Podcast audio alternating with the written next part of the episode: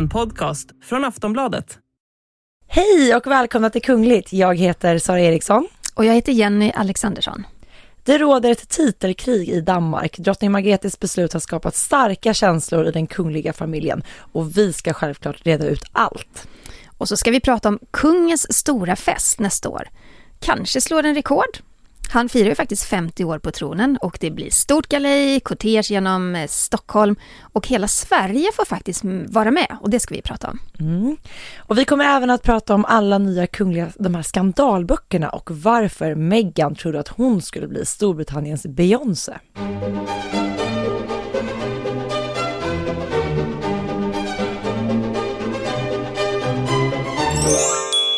Vi är så glada att ni är så många som lyssnar på vår podd och ni blir bara fler och fler och fler. Och det är superkul. Och Kul att ni vill ta del av alla nyheter från den kungliga världen och vi hoppas att alla nytillkomna också känner att ni ska fortsätta hänga med oss. Ja, det hoppas vi verkligen. Jätteroligt att ni lyssnar och eh, du vet väl om att du kan lyssna på oss i Aftonbladets app eller så följer du oss i din poddspelare och glöm inte att trycka på prenumerera-knappen så missar du inga avsnitt. Och Jenny, vi blir så glada om man skickar in lyssnarfrågor till oss och var skickar man in dem? Då skriver man ett mejl till Aftonbladet snabela, nej förlåt, kungligt at aftonbladet E. Det är fredag när vi spelar in, jag tycker det känns Det är väldigt ovanligt, vi brukar alltid spela in på onsdagar men mm. den här veckan fick vi pussla lite för att få ihop det så nu sitter vi här eh, fredag förmiddag och det är roligt med den här adressen för att så fort vi har pratat om lyssnarfrågor, jag tror kanske, hur många gånger kan vi ha sagt det? Hur länge har vi spelat in? Ja. Vi säger fel varenda gång. Tusen gånger. Ja. Ja, men vi har en fredags, fredagsvibe i studion. Det har vi verkligen och nu har vi liksom gått igenom det här praktiska kan man säga. Mm. Nu ska vi in på de kungliga nyheterna. Vi kraschlandar i Danmark. Där mm. börjar vi idag. Mm. För i onsdag så kom ett mycket överraskande pressmeddelande från danska hovet. Drottning Margrethe har tagit beslutet att prins Joakims två söner, Nikolaj och Felix, som han har med grevinnan Alexandra, samt Athena och Henrik, som han har med prinsessan Marie, fråntas sina prins och prinsesstitlar. Från och med då den 1 januari 2023 så kommer det här att gälla och de kommer då att tituleras som excellenser och använda sig av titlarna greve, grevinna, de här Jenny. Mm. Kom, jag kan själv inte uttala dem. Ja, comtesse. Comtesse. Av Montpessat. Ja. Och det är lite, lite förvirrande kring vad de här står för egentligen. Ja, eh, titeln comtesse det används i Danmark om en greves ogifta dotter. Eh, så att det blir då ja. aktuellt för Athena ja, i det här fallet. Mm. Och orsaken då till drottningens beslut är då enligt hovet att det ligger i linje då med liknande anpassningar som andra kungahus har genomfört på, men på olika sätt de senaste åren. Vi vet ju här i Sverige, eller såg vi det, hösten 2019, då tog ju faktiskt vår kung samma beslut. Han bestämde ju då att prinsessa Madeleines och prins Carl Philips barn inte längre är en del av det kungliga huset. Självklart en del av kungafamiljen, men inte det kungliga huset. Och de får heller då inte ta del av apanaget. Och eh, vi var ju på plats då Jenny, när de meddelade det här 2019 mm. och träffade riksmarskalk Fredrik Wersäll. Och vi kan väl lyssna på vad han sa då.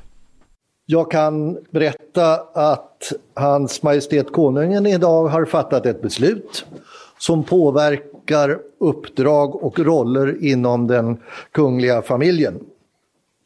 Syftet med det här beslutet är framför allt att göra det tydligt vad som är statschefens uppdrag som företrädare för Sverige och avgränsa den krets av medlemmar i den kungliga familjen som ska förväntas ha sådana offentliga åtaganden på kungens uppdrag.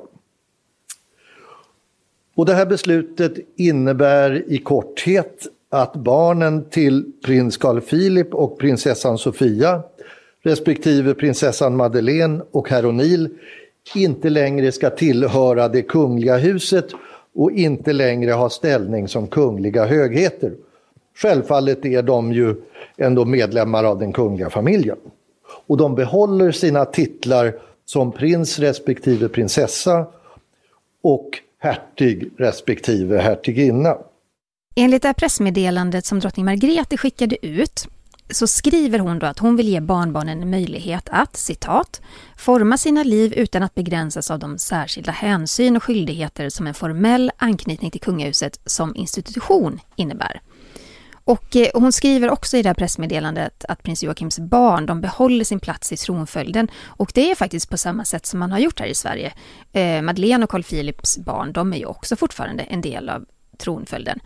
Men det här beslutet kom ju mycket oväntat och varken prins Joakim eller grevinnan Alexandra verkade ha fått information om den här förändringen innan det skickades ut då till allmänheten och blev offentligt. Och eh, den första som uttalade sig, det var faktiskt eh, grevinnan Alexandra. Hon som då är mamma till Nikolaj och Felix, de äldsta barnen. Och det var genom sin sekreterare, Helle von Fildenrath, eh, som hon sa så här. Det är mitt tydliga intryck att alla tre föräldrarna är mycket chockade. Och grevinnan sa också så här, vi är alla förvirrade över beslutet, vi är ledsna, i chock. Det här kommer som en blixt från en klar himmel. Barnen känner sig utfrysta och de kan inte förstå varför deras identitet tas ifrån dem. Och enligt danska medier då så har prins Joakims kungliga roll systematiskt avvecklats sedan 2018. Idag så bor ju han i Frankrike med sin familj och jobbar som försvarsattaché på danska ambassaden i Paris. Det här är ju lite speciellt, för mm. han har ju sagt i en intervju att det var av eget val som han flyttade till Paris. Det är så man har tolkat det hela tiden. Men eh, prinsessa Marie har sagt i en annan intervju att det inte var de två som bestämde kring den här flytten. Mm. Och in, indirekt då så tänker man ju på att det är drottning Margrethe som har bett dem och ta de här jobbuppgifterna i Paris. Ja. Men eh, jag fick en fråga på Instagram gällande det här med titlarna. För att eh, även om det liknar ganska mycket som det beslutet som kungen tog i Sverige så är det ju ändå en viss skillnad i det. För att i, både prinsessa Madeleine och prins Carl Philips barn är ju fortsatt prinsar och prinsessor. Ja men det är det som gör det så dramatiskt. Ja. Det är ju ändå så eh, att då ett kungligt barn föds ju med en prins eller prinsesstitel. Det är väldigt sällan de blir av med det. Vi, vi såg ju då eh, prins Sigvard och Lennart och Karl Johan. De blev av med sina prinstitlar i Sverige för en herrans massa år sedan. Mm. Men det var ju för att de gifte sig med någon som inte var kunglig och det var så man gjorde på den tiden. Men jag menar, idag så gifter sig kungligheten av kärlek. Mm. Det, är ingen som, det. Ja, det är ingen som blir av med några titlar. Tvärtom Nej. kanske man som Chris tackar nej till en kunglig titel. Så det här är väldigt drastiskt. Jag menar, I Sverige så, så tog ju kungen bort hans och hennes kungliga höghet Precis. och att de inte är en del av kungahuset. Men här går man liksom så mycket längre. Det är ju det är ganska dramatiskt att ta bort en prins och prinsesstitel på det viset. Ja, hon hade ju kunnat backa lite om man ville efterfölja Sverige då, att så här, du får inte använda hans eller hennes kungliga höghetstitel, men fortsatt liksom tituleras som prinsessan eller prinsen. Men det kommer de ju inte att få göra. Nej, eller som någon av mina följare på Instagram sa att var det inte bättre att ta det beslutet när barnen var små? Mm. Därför att jag menar, jag tror Nikolaj är väl 23 eller någonting nu. Ja men han har ju verkligen vuxit upp med en titel. Den tas ju ifrån honom nu när han är en ung vuxen. Mm. Eh, och liksom, det är så han tituleras. Och helt plötsligt nu så ska han inte längre göra det. Det måste ju bli en ganska så stor omställning. Ja men det handlar ju om identitet verkligen. Och det är ju verkligen det man, man känner att föräldrarna här nu trycker på. Men det är också konstigt med det här pressmeddelandet.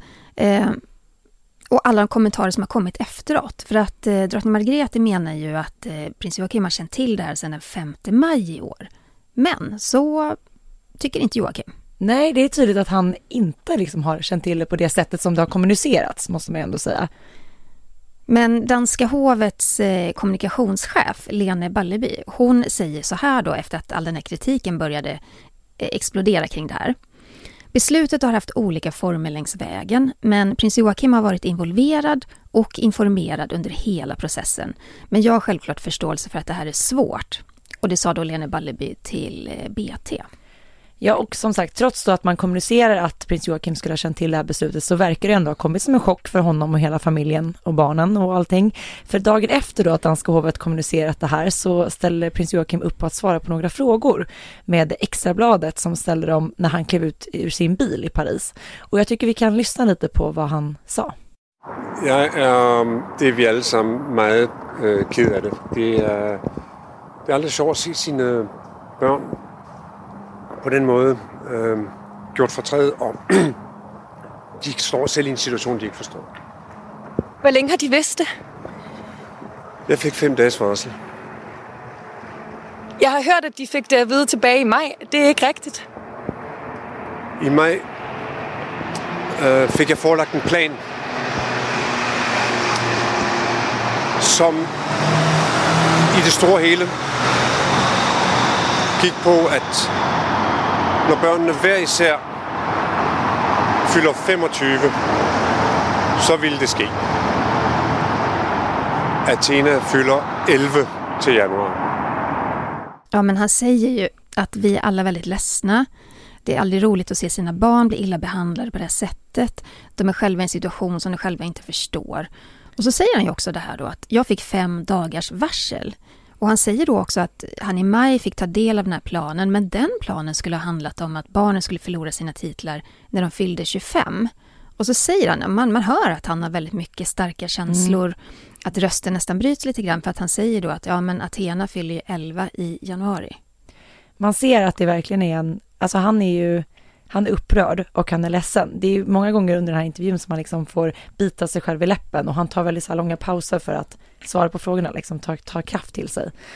Och han får även frågan då ifall att det här beslutet har påverkat hans förhållande till sin mamma och han avvaktar lite med att svara, biter sig i läppen igen och ser faktiskt ut att liksom försöka hålla tårar tillbaka innan han svarar så här. Hur har det här påverkat deras förhållande till deras mor?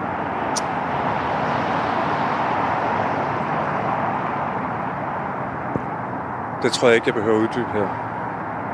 Han vill alltså inte utveckla det svaret? Nej, men han svarar verkligen så här, det tror jag inte jag behöver utveckla här. Men när man mm. tittar på klippet ser man att han är eh, arg och upprörd. Ja, och det här, det här väckte ju någonting inom drottning Margrethe såklart. Eh, för hon då kommenterade eh, det här, både beslutet och, och liksom sin sons kommentar i samband med att hon gjorde entré till en mottagning på Nationalmuseet i Köpenhamn. Och vi lyssnar lite på vad drottningen sa när hon fick frågan kring beslutet. Och det är danska tidningen BT. Det är en övervägelse jag har haft ganska länge och jag tror att det vill vara gott för dem i deras framtid. Det, det där Så det är för barnbarnens skull?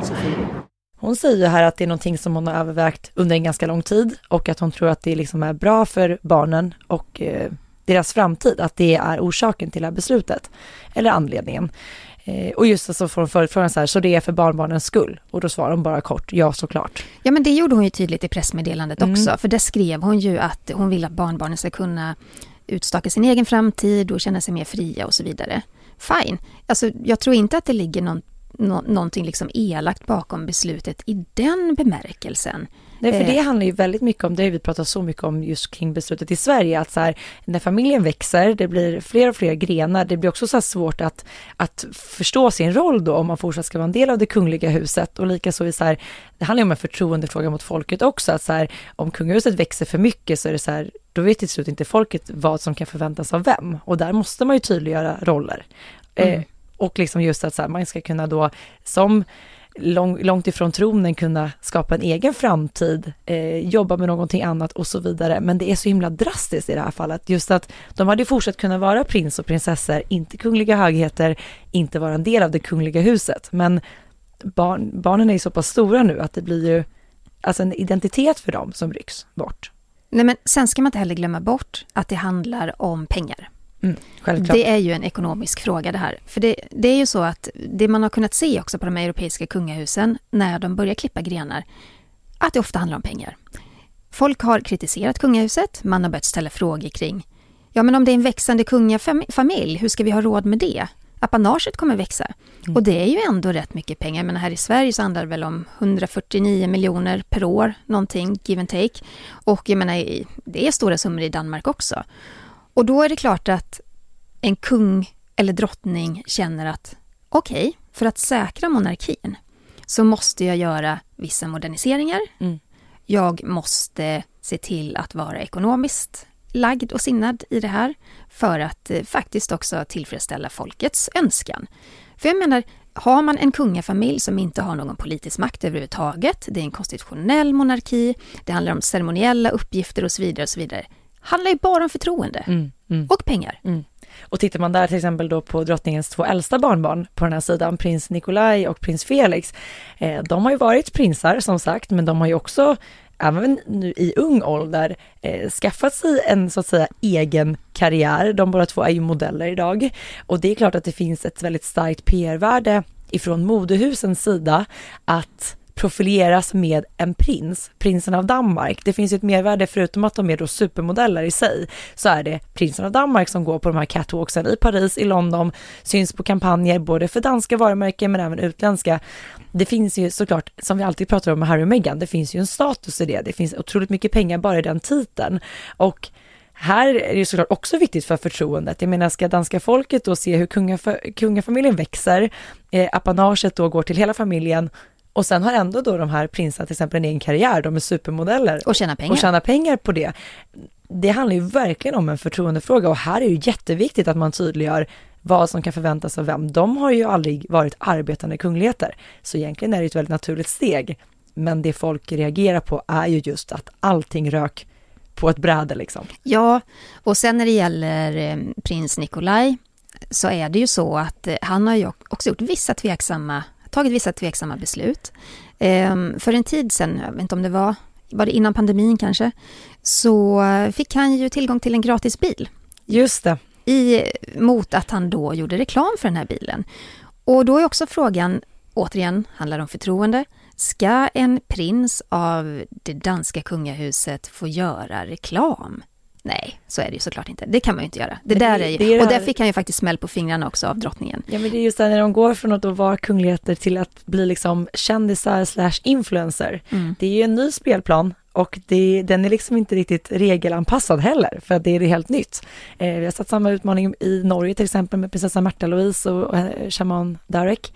Det är liksom nya saker som de måste liksom se till att det blir rätt. Men då kommer vi till kärnan Sara. För ja. du och jag är överens om att beslutet var rätt. Mm, men, men dess form, det här med att just prins och prinsesstitlar försvinner, är lite tveksamt. Det är tveksamt. Och sättet man har utfört det på är under all kritik. Ja, alltså det måste ju ha skett någon stor miss här med tanke på, jag menar, titta på hur, hur det såg ut i Sverige. Det var ju liksom lugna gatan med det. Det var ju, hade ju kommunicerats inom familjen och man liksom alla var med på alla det. Alla var med på det, man bjöd in pressen, man presenterade det på ett väldigt sakligt sätt. Här var anledningarna i presentationen, fick man också verkligen förståelse för att det är inga konstigheter inom familjen. Alla familjemedlemmar är helt och hållet med på det här och de tycker att det är ett bra beslut. Här har man liksom tagit det från typ helt andra hållet. Mm. Och det känns som att drottning Margareta släppte en bomb och sen har liksom både hennes son och barnbarn varit ganska så frispråkliga i pressen, vilket också egentligen är väldigt ovanligt. Men det här har ju skapat en stor kris. Mm. Eh, och när man, man kollar, scrollar runt på danska tidningar så ser man enorma rubriker kring detta. Eh, det är såklart en stor sak där. Eh, en annan sak är ju också vad som händer i relationerna mellan de här familjemedlemmarna. Och det är ju ganska sor sorgligt då när man ser att prins Joakim, han, man förstår att den relationen är skadad. Och Nikolaj då, när han fick frågan eh, i sin tur eh, hur relationen är till hans farmor efter det beslutet, då säger han ju att ja, det är lite samma sak som, som det som hans pappa då har berättat. Och så säger han också, som prins Joakim, att eh, han behöver knappast kommentera det. Och reporten kontrar med, jaha okej, men det säger sig själv alltså? Och Nikolaj svarar att ja, så är det. Så att det här är också någonting som, det skapar inte bara så här splittring, alltså mellan kungahuset och eh, danskarna, för det ska vi också gå in på hur de har reagerat. Mm. Det skapar också splittring inom familjen och det är nästan det värsta. För kan man inte ha ett enat, i alla fall till ytan enat, eh, kungahus eller kunglig familj, vem ska då ha förtroende för kungafamiljen? Nej, men man landar hela tiden i den här förtroendefrågan, för det, det, som har hänt nu är ju precis det som, som man som monarki inte vill ska hända, utan monarkin ska vara liksom en stabil punkt eh, som liksom inte ska skaka innanför väggarna. Mm. Och det är mm. precis det, hur det här beslutet har landat. Nu blir det någon form av inre konflikt med familjen. Ja, och så dras ju alla in i det här. Jag menar, igår, var det igår, mm. så fick ju kronprinsessan Mary också de här frågorna. Så alla i familjen kommer ju få de här frågorna nu av reportrar. Så fort de gör något framträdande eller ja. ett uppdrag. Mm. Och i en intervju med DR så, så säger hon så här. Förändring kan vara um, omådelig uh, svår och uh, kan göra riktigt ont. Jag tror de flesta av oss øh, har prövat det. Men det är inte ens betydende med, att beslutningen inte är den riktige. vi kommer också till att se på våra barns titlar till när den tid kommer. Förändring kan vara otroligt svårt och göra ont, det har de flesta känt av. Men det betyder inte att slutet inte är det riktiga. Och så säger hon även då att eh, hon och Fredrik, de kommer också ta sig en titt på de egna barnens titlar när den tiden kommer. Och hon menar då att eh, man idag vet, idag vet man inte hur kungahuset kommer se ut i framtiden den dagen som Kristian blir kung eller tiden innan då han blir kung. Och men det här har hon ju helt rätt i. Hon går ju liksom på drottningens linje här, vilket hon måste göra på alla sätt och vis. Men, men det blir också, det blir så onödiga diskussioner mm. och så onödiga slitningar. Men här får man ändå ge då svenska kungahuset en eloge i att de var enade, i alla fall utåt sett. De styrde upp med pressträff. Det var inget pressmeddelande som bara skickades ut, utan pressen, ni är välkomna, ni får ställa alla frågor ni vill. Just den här stunden, just den här tiden. Sen var det över. Ja, och kommer du ihåg också att strax därefter, när vi hade varit på det här mötet och liksom media började på att skriva om beslutet och allting, så tog det ju bara några timmar. Så hade ju jag kommer inte ihåg om Madeleine gjorde det, jag tror det. Jag tror både hon och Carl Philip. Både prins Carl Philip och prinsessan Madeleine la ut på sina sociala mediekonton just så här, där de kommenterade beslutet i att så här, vi, vi är med på det här och mm. vi tycker det är bra för barnens framtid. Det, det, skapar en tydlighet. Vad de nu skrev ordagrant kommer jag inte ihåg. Men det var Men ju det... verkligen att, att alla var med. Här i Danmark ser vi någon, liksom mots, motsatsen till det i att beslutet kommuniceras och Mm. familjen splittras istället. Ja, och sen är det ju då mer dramatiskt i Danmark därför att de blir av med prins och prinsesstitlar. Ja. Det blir en identitetskris såklart, men ändå. Det är så, det är så märkligt. Ja, jag lyssnade på ett radioinslag ifrån Danmark igår och där hörde jag liksom hur man diskuterade det här beslutet och efterdyningarna då som den största kungliga krisen på över 20 år. Så att eh, det har ju men, verkligen skapat också två läger. Men är det inte konstigt Sara ändå att, att drottning Margrethe då som, som mamma, att hon inte förankrar det här beslutet hos sin son? Att hon inte har de här diskussionerna, att hon inte berättar liksom att den här dagen så kommer det här bli offentligt. Han säger då att jag fick fem dagars varsel. Och man, man, man, förstår på Nikolaj och hans intervju där också att de var ju chockade redan då, men mm. att chocken blev ännu större när det blev känt för alla. Är det inte konstigt att inte ha de här samtalen med sina barn? Ja, men jag tänker också drottning Margrethe som varit drottning i över 50 år. Jag menar, hon har ju varit igenom saker och ting förr. Hon vet ju hur de här tillvägagångssätten måste se ut för att det ska skötas korrekt och att det just inte ska bli som det har blivit nu. Så det är, hela grejen är väldigt märkligt och jag tycker själva beslutet i sig inte så konstigt, även om det är drastiskt, men just hur det, det känns som någonting har verkligen missats. Mm. Alternativt. Att hela den här situationen vittnar om en spricka inom familjen. Ja, men jag har ju också tänkt tanken och det är lätt att tänka den tanken. Och just också att redan från 2018 då att eh, prins Joakim lite grann manövrerades ut ur kungafamiljen. Mm. Eh, och ja, nu har ju Fredrik och Mary många barn så tronföljden är säkrad, det ska vara fokus på dem. Men det känns som att prins Joakim varit ganska ledsen över det där. Och att de kanske inte var jättenöjda med att flytta till, till Frankrike helt och hållet. Och då den här smockan, den känns nog ordentligt, det tror jag. Mm. Just för att man inte kommunicerar. Men jag tänker också, alltså både i ditt eh, och mitt flöde på, på Instagram, men också speciellt under danska kungahusets Instagramkonto så mm. har det mm. kommit otroligt mycket kommentarer. Och min känsla är jag har inte suttit och räknat, men min känsla är att majoriteten är jättemissnöjda med drottningens beslut. Eller de tycker att hon har betett sig underligt i den här frågan. Ja, men jag, jag håller med dig. Många tycker ju att det, det, är märkligt och att det är drastiskt och att det liksom är, är onödigt att skapa den här de här rubrikerna kring kungafamiljen. Det, det är vissa som liksom tycker det, ganska många. Mm. Men sen är det också väldigt många som, ja men i liksom, som hur världen ser ut nu och allt som händer på vår jord. Liksom det, man vet ju inte ens var man ska börja, allt som är bara helt på tok. Att man liksom i, i alla dessa katastrofer, att man liksom diskuterar um, att vara icke liksom prins eller, her, eller så, greve eller prins. Alltså det blir ju, vissa tycker liksom att det blir, det är ingenting att ens prata om, att det, liksom, det finns inget värde ens i diskussionen. Så att de kommentarerna ser man ju också lite att så här, hallå, världen brinner. Ja, och det, ja, men det, det tror jag alla kan hålla hålla med om. Ja, det kan alla hålla med ja. om för att, för att det, alltså på pappret är det bara trams. Eh, men i verkligheten och för de här individerna Eh, de lever ett mycket privilegierat liv, så är det, det kan man inte komma ifrån. Men om man bortser från det och bara ser liksom på de här barnen, som då är födda prins och prinsessa, de är också otroligt medvetna om att blir man borttagen en prins eller prinsesstitel som man ju faktiskt är född med, så är det ett dramatiskt beslut. Mm. Det är inte det att de blir av med hans eller hennes kungliga höghetstitlar, utan de blir av med det de föddes med, deras, deras rätt på något sätt. Precis. Så det är väl det som är dramatiken i det hela. Sen kan vi alla hålla med om att ja, det är ju tramsigt. Jag menar, se vad som händer. Se vad som händer i, i Ryssland och Ukraina och eh, översvämningar i Pak Pakistan. Jag menar, det, det är liksom misär och fruktansvärda saker som händer i världen.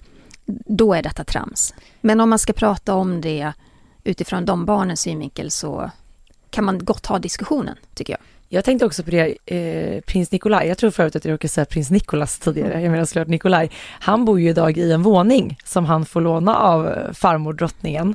Eh, undrar hur sådana saker, om det kommer påverka det här, eh, liksom att, att familjen kommer bosätta sig på andra platser, liksom om det kommer bli någon skillnad eller? Ja, är kravet då att de ska börja tjäna egna pengar mm. och försörja sig själva, ja då kanske det också blir krav på betala för egna bostäder. Visst, det vet man ju inte. det här, vi har ju inte sett slutet på detta och Nej. det kommer nog att eh, finnas saker att prata om kring det. Eh, och som sagt, det träder ju inte i kraft förrän i januari 2023. Mm.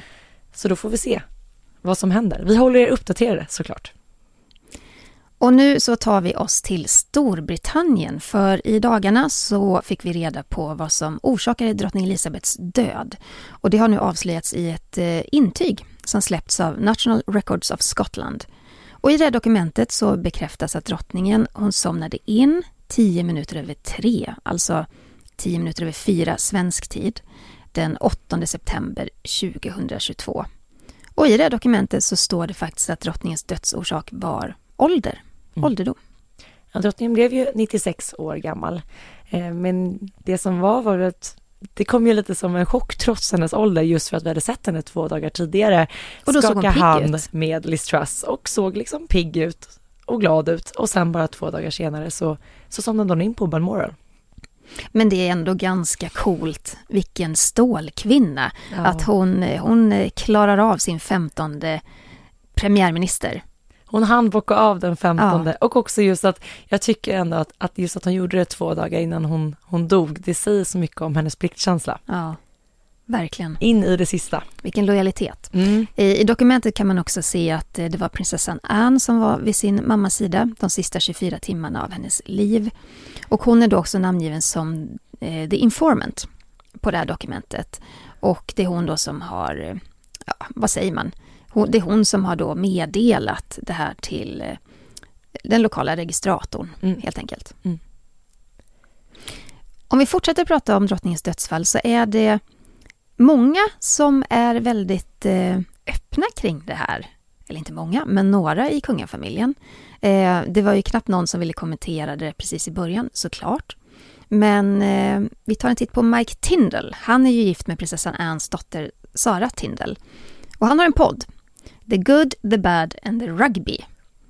Han är alltså, han är ju rugbytränare för något av de här, är det landslaget eller något ja, annat stort lag? Att, jag ja. tror att det är det. Det är inte så att vi liksom kanske lyssnar på hans podd varje vecka, men han har ju faktiskt några gånger gett lite sådana här, ja men glimtar ifrån från det han själv upplever med kungafamiljen och nu har han ju verkligen gjort det. Mm. Eh, vi lyssnar lite på när han berättar om hur familjen sörjde och hur de samlades när drottningen dog.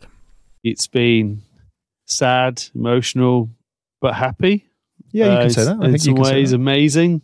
In other ways, to see the family come so close together overnight and just you never predict it. Obviously, a 96 year old lady, you don't, you know, at some point it's going to happen, but you're never ready for when it when it does. And and I'm not even a you know a direct sort of family member in in terms of blood, so uh, but watching what my wife, uh, what Zara had to go through in terms of, you know, she obviously she loved loved the Queen beyond beyond everything else. So, you know, their connection with horses, same with with the the Princess Royal, they, they had a real sort of bond around that. And um, what really blew blew me away was just how the country, how the world, you know, they invited 180 foreign dignitaries and all 180 said yes and turned up.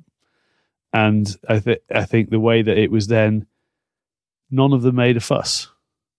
It wasn't about you know for the first time ever, a U.S. president or whatever isn't making it about him. Mm. He slips into the background, does whatever he's is told to do, um, and I think that's just a mark of of who she was and the sort of power she commanded in, it, without really asking for it. She didn't need, she didn't need it. She just it was a weight she just carried naturally. What she was as a person. I think you know, no fuss, get on with it. Mike Tindall berättar ju att det var fint att liksom alla, en hel värld samlades kring drottningen och sörjde henne. Och han säger att, eh, att det var fint att det inte blev något liksom fast kring begravningen och att till och med USAs president höll en låg profil och att han, att han inte gjorde till en grej som handlade om honom. Eh, och han berättar ju även då om hur mycket Sara tyckte om sin farmor och att det här hästintresset liksom alltid har förenat dem. Mm. Ja, men han, är väldigt, eh, han är väldigt öppen kring det här. Vi ska lyssna på ett annat klipp där Mike Tindall berättar om en sak som hände när drottningen skulle transporteras från Skottland till London efter att hon somnat in. And there was a good story that I, whether it's 100% true, I'm not sure. I got sent it by an ex army friend of mine, basically around the plane that was used to bring her back from Scotland to England. And it wasn't the original plane picked, and they had to change it. And they went for this big old plane to make it more dignified. When This they, is in the planning, isn't it? yeah, so they changed the planning. It was a, it was a smaller plane that wouldn't have allowed them to to get the coffin on very easily, and and he had to go through this changing process, saying, "I think we should use just a bigger plane. It makes it more dignified when when loading and everything else. Obviously, I had to get sent upstairs to get the all clear, and then apparently uh, the, the note that came back, whether this was her exact words, where the Queen sort of said, "If it because it was the same plane that was used to bring her bodies back from Afghanistan," and she was basically just two lines said, uh, "If it's good enough for my boys, it's good enough for me," and that in itself just sort of sums her up. It was you know they were her boys, and I mean it'd be just amazing to talk to people who who were uh, like the coffin bearers were just incredible. Yeah. I think I think you know everyone. It's a, it's a tough gig, and, and some of them so young at nineteen or whatever, and and you know you- when you join the service, is it still for Queen and country? Because that's how she thought it was still, uh, and it'd be lo- it'd be lovely to hear what they thought and um, and how they felt that week went. I mean, it was it was just amazing It to was watch. extraordinary. Ja, Mike Tindall han berättade att drottningen var med och planerade sin begravning. Det låter ju makabert, men det är ju inte det egentligen, utan den här planeringen London Bridge, den har ju existerat i så många år. Och drottningen var tydligen väldigt engagerad och involverad i hur det hela skulle se ut med begravning och sådär. Men Mike Tindall han berättade då att man bestämde att kistan skulle transporteras med flyg. Eh, tåg fanns på kartan, men man bestämde att det skulle vara flyg då. Och så föreslog eh, den här eh, alla de här eh, som då in, ingick i den här gruppen som planerade begravningen, de föreslog ett militärflygplan som användes när man transporterade döda soldater från Afghanistan. Och det, det är ju en jättefin tanke. Men det är klart att det kan också vara lite så speciellt att presentera det för, för en regent. Ja, Men då hade faktiskt drottningen sagt att ja, duger det åt mina pojkar så duger det åt mig. Och Mike Tindall menar då att det var så typiskt drottningen och att den kommentaren som hon la där, det, det beskriver henne på alla sätt, alla rätt sätt. jag tycker också att vi ska lyssna på ett sista klipp där han beskriver drottning Elizabeth som en, som en väldigt stor förebild. Det tycker jag är fint. Yeah. almost like a dull ache internally. Just you know, very sad that we'd watched someone so incredible pass away, and it was almost a very, very much the end of an era. You know, because if you look at the world at large at the moment, you know, we're always striving for role models. You know, that obviously for you know, uh, well, we've talked about it uh, ad nauseum on this podcast. That for me, sexism is alive and sexism is alive and real. You see it all the time in different places. Misogyny is a real thing, and we talk a lot about um, women and, and young girls looking to find inspirational um, people where they find them. Are they pop stars? Are they reality stars? But actually, in front of all of our eyes, we had the most sort of uh, intensely uh, special woman leading the way, dealing with you know powerful men with egos the size of houses and putting them in their place, leading by example, not fussing, not moaning, doing her duty to to the letter. And you know, and getting on with what was a, a pretty rigorous routine, never giving up, never demanding anything better. Talked about her boys, and I think for me, she was the greatest role model, and and, and she was the, the the best the best of us. Det är ju ändå lite härligt tycker jag att en stor biffig rugbyspelare, rug, rugbytränare, säger att hans största förebild är drottning Elizabeth. Nu är han lite partisk såklart, ja, såklart. i och med att han är liksom i utkanten av den kungliga familjen.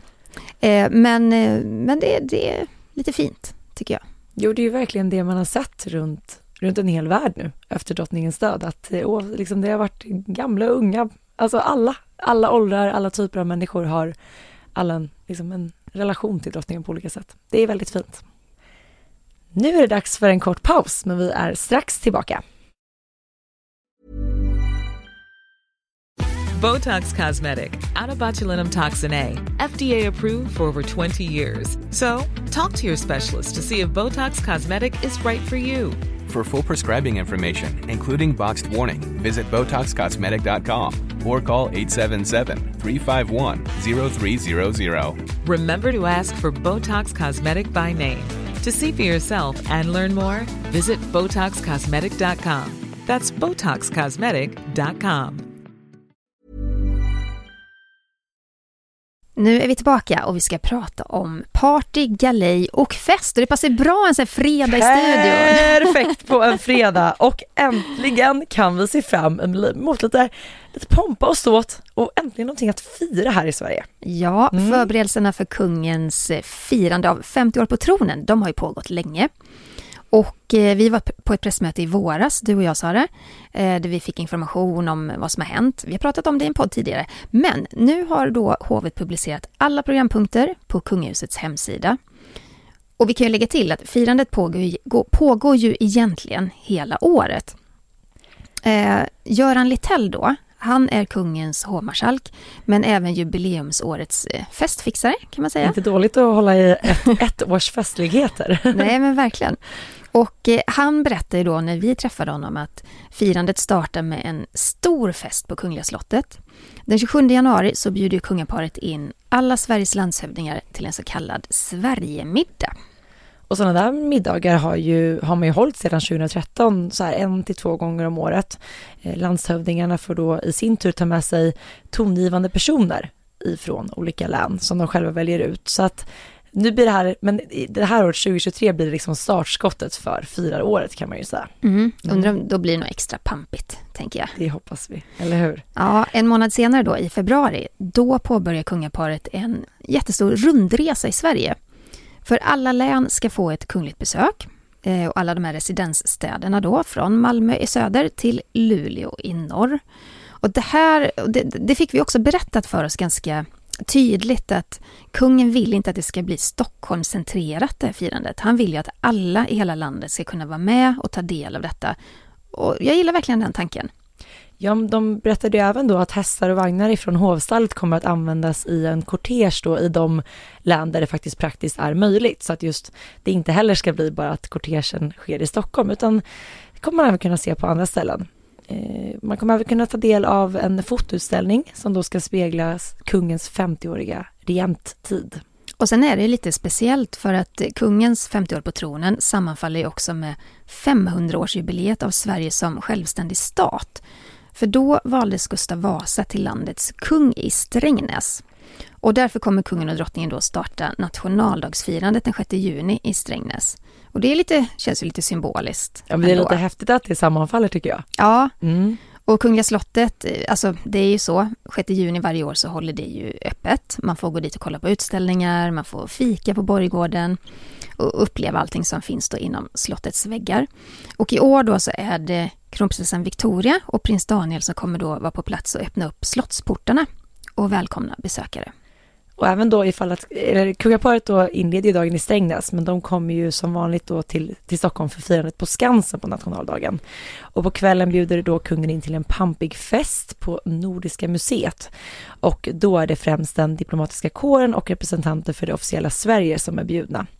Och eh, ja, på, på Nordiska museet så ryms det ju väldigt många fler. Det tror jag kan bli väldigt effektfullt. Mm. Jag för mig att Göran Littell också sa någonting om att eh, Ja, men den, det är speciell inramning där. Det är väl Gustav Vasa som står precis vid ja. porten eller innanför dörrarna där. Jättestor Gustav ja. Vasa precis när man kommer in. Så att det finns ju ett, ett väldigt starkt bra, symboliskt värde i det. Bra tanke där. Ja.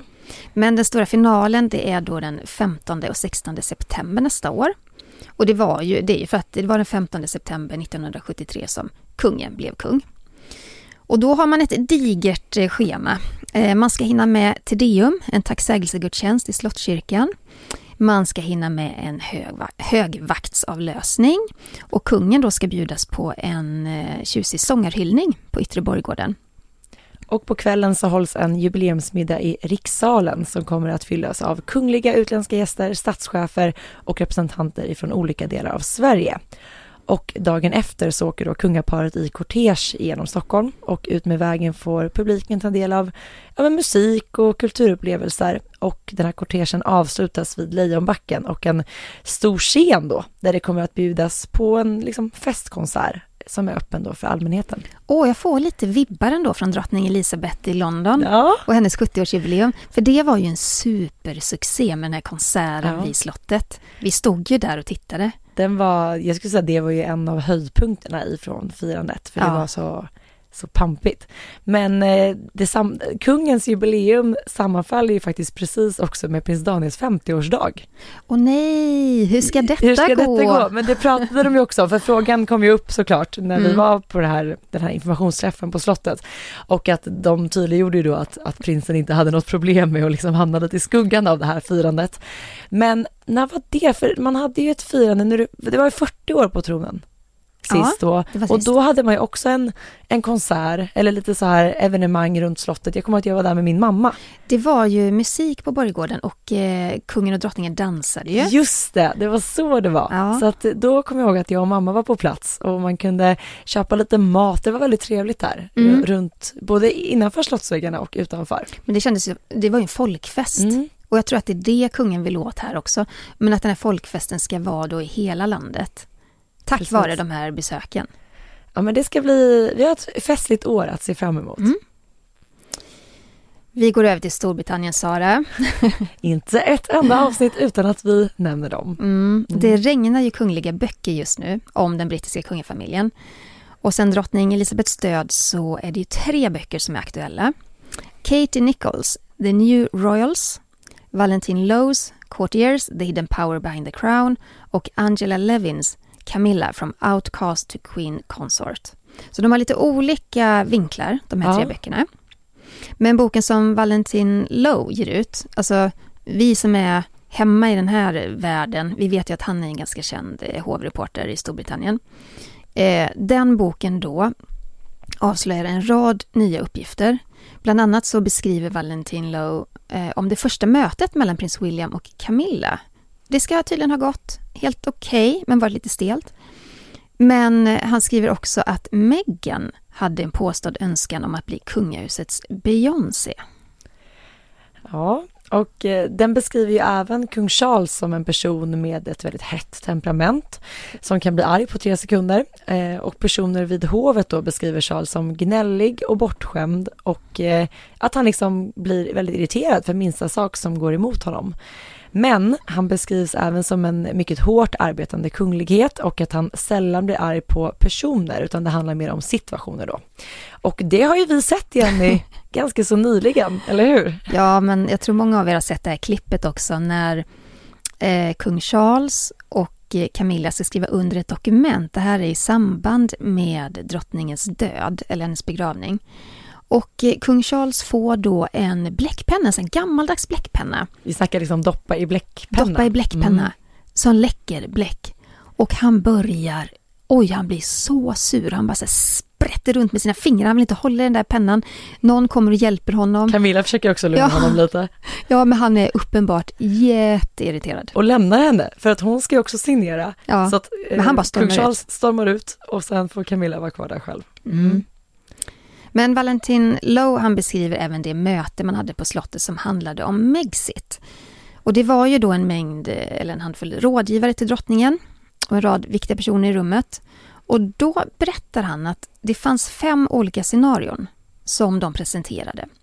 Och Valentin Lowe skriver att det var en mycket positiv stämning i rummet. Man ville verkligen hitta en lösning för Harry och Meghan. Och ett av de här scenarierna, det var att paret var arbetande kungligheter på heltid men att de skulle få en månad per år då de fick arbeta med någonting annat. Och ett annat scenario, det handlar om att de helt och hållet levde ett mer anonymt liv och att de representerade kungahuset vid ett fåtal tillfällen. Mhm. Men vid ett tillfälle så hade då Sir Clive Alderton som är rådgivare till kung Charles poängterat att om de lyckades hitta en framgångsrik modell för Harry och Meghan så skulle det kunna kännas en lösning för många framtida kungligheter som står långt ifrån i, i tronföljden. Så man, man hade liksom en förhoppning om att ja, men vi hittar, vi gör ett facit här. Vi skapar någonting som vi sen kan applicera på massa andra kungligheter när de inte längre, när de tröttnar på att vara en del av kungahuset. det är ju väldigt spännande att höra om de här olika scenarierna, eller scenarien. Mm. För att Mexit blev ju, som vi alla vet, allting annat än framgångsrikt och det landade ju inte alls särskilt väl. Nej. Eh, Men man hade ju verkligen velat vara, för det är just det man har diskuterat så mycket, att man undrar ju just hur diskussionerna gick runt bordet innan man tog det beslutet som, som fattades. Och ja, om vi nu ska prata om hur saker och ting kommunicerats i den kungliga världen så var det också någonting som verkligen bara som en bomb ner på bordet när Harry och Meghan genom Instagram kommunicerade att de inte längre skulle vara arbetande kungligheter. Det satte ju Mm. också sina spår. Men vad intressant att tänka bara tanken ifall att paret hade valt någon av de här vägarna, undrar hur det hade sett ut. Ja, nu är de ju med sina personligheter sådana som inte skulle kunna välja de alternativen. Nej, nej, nej. Men, eh, men det är spännande att få lite inblick bakom kulisserna. Mm. Men om man tar Katie Nichols bok till exempel, eh, så avslöjas det ju att prins George är mycket medveten om sin ställning i samhället. Han är inte så gammal, men han åtta? Eh, nio. Ja, nio. Ja. När han hamnade i bråk om några klasskompisar på skolgården, då ska han ha sagt att min pappa ska bli kung, så akta dig. Det är också lite typiskt barn. det, är också väldigt typiskt barn. Också så här, antingen så är han kung eller så är det så här, min pappa är starkare än din. Ja. Liksom, som man har sagt när man var liten. Ja. Det får man väl kanske inte lägga för stor vikt vid. Alltså Nej. han är ju nio år, men det har ju skrivits väldigt mycket om då vad, vad prins George skulle ha sagt på skolgården. Mm. Min pappa är kung, så akta dig. Ja. Men Jenny, ingen kunglig podd utan veckans Harry och Meghan.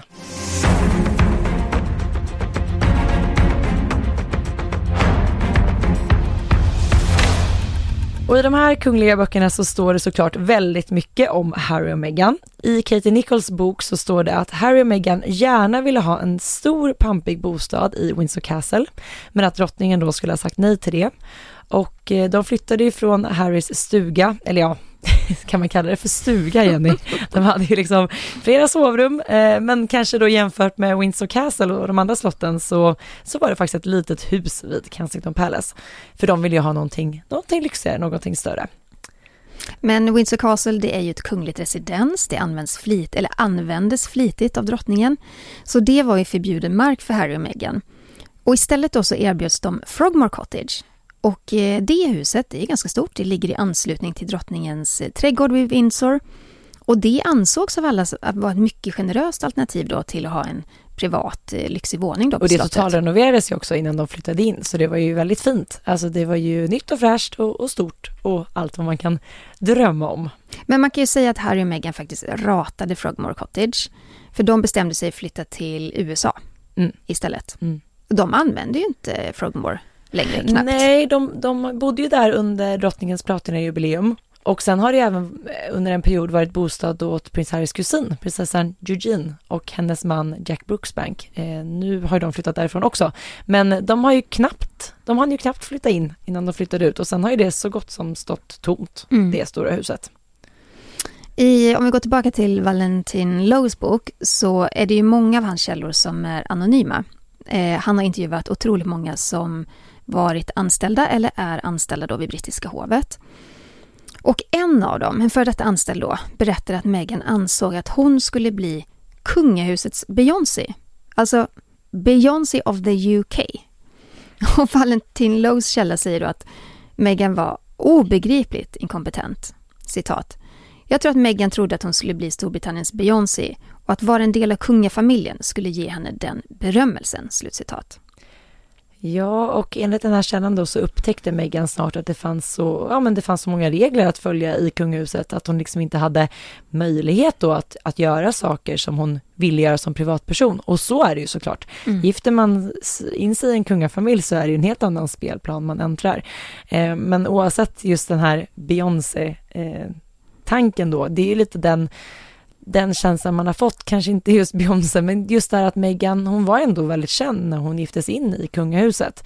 Och den här utmaningen i att, att inte längre kunna vara kändis på det sättet, det är klart att det blir, det blir ett helt nytt liv och helt, ett helt nytt sätt att vara och, Mm. och jobba. Så är det ju. Ja, och som varken hon eller Harry var villiga att ta, helt Nej, enkelt. precis. De valde något annat.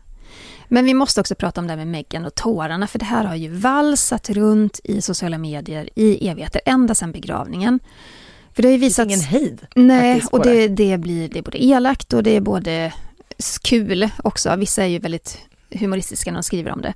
Men det har visats otroligt många bilder i pressen och på sociala medier där man ser då att Meghan torkar bort en tår när hon står i kyrkan. Och det är en väldigt elegant bild. Alltså Meghan bär svarta handskar och så för hon upp vänstra handen mot kinden mot den vänstra, vänstra ögat så torkar hon bort en tår. Och det är där här som då är problemet att många anser att det här är skådespeleri. Att den här gesten, den är alltför regisserad. Och så här lät det då när brittiska tidningen Express intervjuade författaren Tom Bauer som har skrivit flera kungliga böcker. Tom, uh, Megan, someone who obviously you have spent the last couple of years reporting on, she was very emotional today at the service. Uh, was she close to the Queen? Well, was she emotional back then? I mean, when she allegedly touched a tear, or was it an act of a Hollywood uh, actress thinking I better do a, a, gesture to suggest a tear? The only person that Megan, I think, at the moment is crying for is for herself. Uh, certainly not for the Queen. Men han tror ju alltså att det här, att hela det här var ett skådespeleri då för, för kamerorna utanför Westminster Abbey helt enkelt. Och att Meghan då inte grät för drottningen. Och vi kan ju säga att det, det här klippet var ett av de snällaste som vi hittade. Sociala medier är ju betydligt elakare än så och det cirkulerar ju väldigt många olika spekulationer kring de här tårarna. Mm. Mm. Och det är ju svårt att veta. Alltså, men det är också så svårt att så här, att ens så här, det, det, det handlar om drottningens död. Det är så Ja. här, vi såg alla, nästan till alla familjemedlemmar var tårögda eller fällde tårar och oavsett vad, det är så här familjen i sorg. Alltså jag tycker det är svårt att ens veta vad som är vad och så här gråt om ni vill. Alltså Ja. lite så. Men det är så typiskt, det är ju bara för att det handlar om Meghan. Alltså det blir ju alltid ett så otroliga skriverier om henne. Mm. Ja, och jag menar, en älskad familjemedlem har dött. Jag skiter faktiskt i om det är äkta eller falska tårar. Ja. För, för som du säger, alla hade tårar i ögonen Mm. i familjen. Mm. Eh, vill hon vinna någon poäng på det, om det nu skulle vara så att det är falska tårar?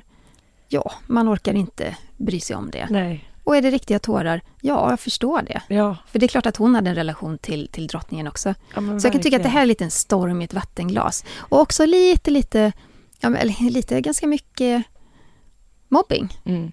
Ja, men det Tyck det vad man vill om Meghan, men, men det där var under, under alltså det var... Och det verkar ju inte finnas något stopp, för det fortsätter ju bara. Mm. Eh, ja. Väldigt märkligt. Eh, vi måste ju också, när vi ändå är inne på veckans Harry och Meghan och på tal om böcker, Jenny, eh, så påstås det ju faktiskt att prins Harry nu desperat vill göra ändringar i den här självbiografin efter då drottningens död och nu att hans pappa faktiskt har blivit kung. Boken skulle ju ha släppts inför julhandeln, men är tydligen försenad på grund av det här. Och kan, jag bara slogs av tanken när man läste om de här rubrikerna. Tänk om, om faktiskt Harry har berättat saker som, som stod då i boken, som man bara känner nu inte känns längre okej för att Mm. Charles är kung och av respekt mot drottningen, tänker jag. Ja, så kan det absolut vara. Ehm, förlaget då, Penguin Random House, som släpper boken, de påstås då vilja ha kvar manuset så som det är, eftersom det sägs finnas då många avslöjanden och kritik mot kungahuset som såklart kommer att sälja många böcker. Och boken ska nu ges ut nästa år istället och enligt The Mirror så är ju kung Charles och de andra i kungafamiljen ganska illa till mods inför det här boksläppet. Eh, Charles vill inte ha mer skandaler och det, det tror jag inte Harry vill ha heller. Det kan ju vara så att det har funnits någon slags återförening, eller vilja till det i alla fall, inom familjen efter drottningens död. Och sen tror jag också, eh, får se om du är med på den här teorin, Sara. Låt mig höra. Låt Men mig höra. det kan ju också handla om att kung Charles, han verkar ju ha lite hårdare nypor till sin son än vad drottning Elizabeth hade. Det har ju pratats mycket om att Charles vill klippa av grenar i kungafamiljen. Han vill slimma ner kungahuset, så som många andra kungafamiljer, inklusive Danmark, nu du har gjort. Exakt. Och han har ju redan låtit flytta ner Harrys och Meghans personpresentationer på kungahusets hemsida så att de ligger sist. Tydlig signal att då har paret fått en minskad betydelse i kungahuset. Ja, av naturliga skäl. Vad tror du om kung Charles? Har, är han lite tuffare mot Harry och Meghan än drottningen? Nej, men jag är helt med dig på, på det du säger i att jag tror absolut att vi kommer se en modernisering av brittiska hovet i hans styre och att det också krävs för att kungahuset ska fortsatt vara relevant i Storbritannien. Inte minst nu kommer vi se så många av de här samhällsländerna kanske dra sig tillbaka för att man ser det här som, en, som en, ett bra tillfälle att göra det. Så att här står ju verkligen kung Charles inför en utmaning och där, precis som vi diskuterade om, om danska hovet, handlar det ju om liksom att ja, men dess anseende måste ju fokus, det måste fokuseras på det och här har ju verkligen, Harry och Meghan har ju ingenting egentligen att göra med det kungliga huset längre. Mm. Och där kanske drottningen har låtit det vara lite flytande just för att det har pågått sådana otroliga diskussioner om det här och det har ju satt hela brittiska monarkin i gungning och verkligen delat upp Storbritannien och delar av världen i två läger, team Harry och Meghan eller eh, team drottning Elizabeth med familj. Och att här kanske då Charles vill vill tydliggöra från sitt håll. Jag kan tänka mig att drottningen kanske var lite försiktig med just när, när det kommer till hemsida och sånt där, just för att man inte ville skapa ännu, ännu mer liksom drama och ramaskri. Det är min tanke. Men prins Harry sa ju en, eh, eller två av de här podcasterna som han var med i, om det var början av året eller förra året, låter jag vara osagt. Men då sa han, han, han var faktiskt väldigt kritisk till sin pappa och sa att Charles då hade utövat samma föräldraskap på honom som drottningen och prins Philip hade gjort på prins Charles. Och där vet vi ju att drottningen och prins Philip var ju väldigt hårda mot Charles. De tvingade honom att gå på en väldigt, väldigt, eh, eh, ja men, eh, ska, vad heter det, väldigt hård privatskola uppe i Skottland. Och trots att han bönade och bad om att få komma hem så, så, så tvingade de honom att vara kvar. Och då menar ju prins Harry i den intervjun att ja, men Charles ju samma sak mot oss nu. Mm. Eller mot mig. Så eh, det har nog funnits en del hårda känslor där ändå. Och det är därför jag ganska lätt kan tänka tanken att Charles har lite hårdare nyper mot kanske båda sönerna än vad drottning Elizabeth hade. Hon var ju ändå, ja men sista tiden, lite äldre, ville ha eh, en konfliktfri kungafamilj. Kanske strök medhårs lite grann. Men det är ju också det hela lite ännu mer intressant, för om det nu är så att Charles har lite, är lite hårdare, lite tuffare, så är det ju uppenbarligen någonting i den här boken eh, som Harry har varit med och skrivit, som gör att han vill ändra någonting. Mm. Och det känns ju direkt som att det är någonting som kanske är mot hans pappa. Och då är frågan så här, hårt mot hårt, eller att nu Harry liksom vill rädda någonting som skulle ha läckt ut annars just för att hans pappa har blivit kung. Mm. Spännande. Vet du Sara, det sägs även att förlaget har betalat runt 200 miljoner kronor i förskott på boken. Hej och hå. Då måste ju Harry leverera. Det, det måste man göra. Jag tycker att vi ska avrunda veckans avsnitt med lite glada bebisnyheter. Mm. Ja, arvstorhertig Guillaume, han som är son då till storhertig Henri av Luxemburg och hans fru, ja förlåt, eh, Guillaume och hans fru Stephanie väntar barn. Ja! Och det meddelade familjen under torsdagen via ett pressmeddelande från hovet och en bild på Instagram där de skriver då att barnet är beräknat till april 2023. De har ju sedan tidigare sonen Charles av Luxemburg som föddes den 10 maj 2020 så att nu utökas familjen. Spännande. Ja, vi har fått lyssnarfrågor och de ska vi beta av nu. Eh, en jättebra fråga från Andy. Hej Jenny och Sara, tack för en underbar podd. Tack själv Andy. Tack. Eh, jag började lyssna på er samma dag som drottning Elizabeth dog och har nu nästan plöjt alla avsnitt. Wow! Wow! Vad kul! Väldigt roligt att höra att man liksom oh, lyssnar tillbaka ja. i arkivet. Eh, den första frågan. Som jag har förstått det så är Sarah Ferguson och prins Andrew skilda. Men jag har uppfattat när jag lyssnat på podden att de fortfarande bor ihop. Eh, och jag tänkte på det eftersom drottningens hundar nu går i arv till de två tillsammans. Mm. Ja, det stämmer ju att prins Andrew och Sarah Ferguson, Fergie, bor fortsatt tillsammans, fast de har varit skilda väldigt länge. Men de är ju väldigt goda vänner och bor liksom på samma ställe och ska nu ta över drottning, två av drottning Elizabeths fyra hundar. Så att det är helt korrekt uppfattat. Han har en till fråga här som jag läser upp då, Jenny. Om prinsessan Estelle skulle gifta sig med en kvinna och de nu skulle bestämma sig för att skaffa barn och det är hennes fru som, som bär det så blir ju inte prinsessan, så blir inte prinsessans biologiska barn. Hur blir det med tronföljden då? Är intresserad eftersom att jag själv en dag antagligen kommer att skaffa barn just på det sättet. Åh, det är en jättebra fråga och det här är så spännande för vi är ju i nya tider. Mm. Här, den här diskussionen skulle man inte haft för, för 50 år sedan, eller 70 år sedan. Nej. Inte en chans. Inte en chans. Så här är det. Eh, kungliga adopterade barn har ju fungerat förr i tiden. Och eh, självklart är det så att om, om två kvinnor, om Estelle och hennes, om hon då hade haft en fru i framtiden, gör eh, ett barn på det viset, ehm, då blir det ju som sagt inte Estelles biologiska barn. Men man anpassar sig till den tid man är i, man anpassar sig till de regler som gäller för svenska folket. Samma regler kommer gälla för Estelle och då betraktar man ju det barnet som ett legitimt och äkta barn. För det gör man ju i alla andra fall eh, i samhället när sådana barn föds. Så där gör man ingen skillnad utan ja, svaret på frågan är ja, man kommer då att betrakta det som eh, ett barn som är med i tronföljden och som är Estelle och hennes då frus barn. Om det är nu så att hon väljer att ha en fru i framtiden. Eh, sen har vi fått en fråga ifrån Kajsa. Hej och tack för en intressant och spännande podd. Jag lyssnar varje vecka. Kul Kajsa, härligt. Härligt. Nu när det varit mycket fokus på drottning Elisabeth och det brittiska kungahuset så börjar jag fundera kring statsbesök. Elisabeth gjorde som jag förstår det som endast två statsbesök i Sverige. Och det känns ju spontant som ganska lite under en sån lång regeringsperiod. Men är det lite jämfört med andra kungligheter som varit på statsbesök i Sverige och vice versa? Har drottning Elisabeth varit i Sverige vid andra tillfällen förutom statsbesöken? Ja, precis. Alltså statsbesöken eh, skedde ju då 1956, 1975 och 1983. Och ja, drottningen har ju varit här i ett annat sammanhang också, eller hur Jenny? Mm. Vid ryttar, Ryttarolympiaden 1956. Egentligen så skulle den ju hållas i Australien, i Melbourne. Men det är ju så att de har ju så otroligt stränga regler för, för all införsel och speciellt då när det gäller djur. Eh, så att dra dit en massa hästar på, på en olympiad, det funkar inte. Så man bestämde sig för att hålla den i Stockholm istället. Och sen så vet vi ju också att, jag menar, svenska kungaparet har ju varit i London jättemånga gånger. Officiellt och inofficiellt. Och att man då har träffat eh, drottning Elizabeth, druckit te på Buckingham Palace och jag menar träffat henne på andra sätt. Det har ju även kronprinsessan Victoria Daniel gjort. Mm.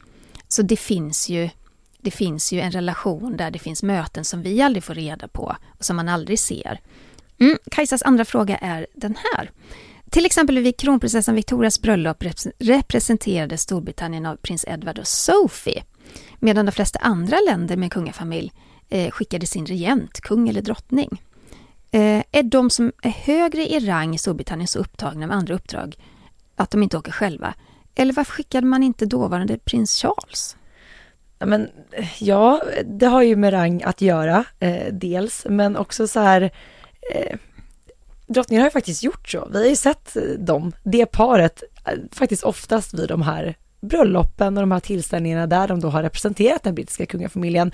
Det kan ju ha att göra med liksom att drottningen är på andra uppdrag och likaså med, med då prins Charles till exempel att eh, Edward och Sophie har liksom blivit det här paret som faktiskt har representerat hela den brittiska kungafamiljen. Även om jag såklart tycker det är lite tråkigt att vi liksom inte har sett till exempel drottning Elizabeth vid de här tillställningarna, men det det har vi inte. Nej, och stor, alltså brittiska kungahuset är ju lite speciellt på det Mm. viset att de har ju ett lite större avstånd till eh, de kungliga familjerna just när det gäller sådana familjära tillställningar. Eh, det är som du säger, då har ju Edward och Sophie blivit sändebud Ja, istället men de har ju för verkligen varit på alla de här bröllopen och ja, när, när man har samlats ihop då, då ser vi dem som representerar Storbritannien. Så är det. Och vi har fått en fråga ifrån Katrin som skriver så här. Hej! Nu när Storbritannien har en regerande kung, kommer nationalsången att ändras till God Save the King? Eller kommer den fortfarande sjungas som The Queen? Åh, det här var ju så tydligt när jag var i London vid begravningen. Eh, Jag kommer aldrig glömma det ögonblicket när begravningen var slut, den var över. Och i Westminster Abbey så sjöng man då eh, den nya titeln God Save the King. Yes. Såklart, det är det som gäller nu. Men där jag stod då i eh, Hyde Park. Hyde Park. Var du? Tack. Tror jag. ja, där det var hundratusentals människor. Och sen följde då begravningen på, på stora skärmar. Oh, då sjöng de ju God Save the Queen. Och det var liksom sista gången den sjöngs på det viset. Och det blev så symboliskt.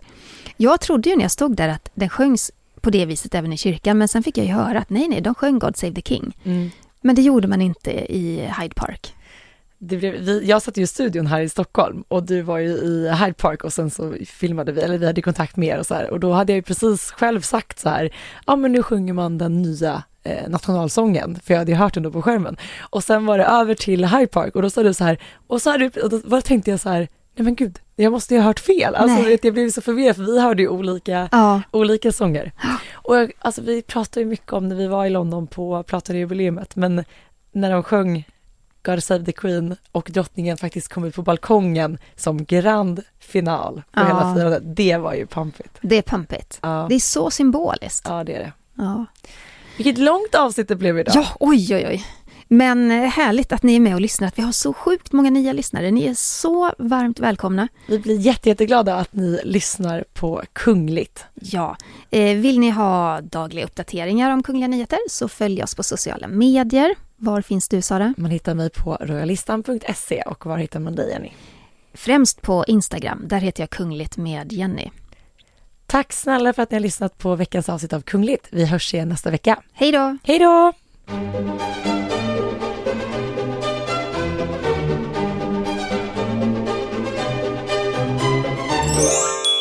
Du har lyssnat på en podcast från Aftonbladet. Ansvarig utgivare är Lena K Samuelsson.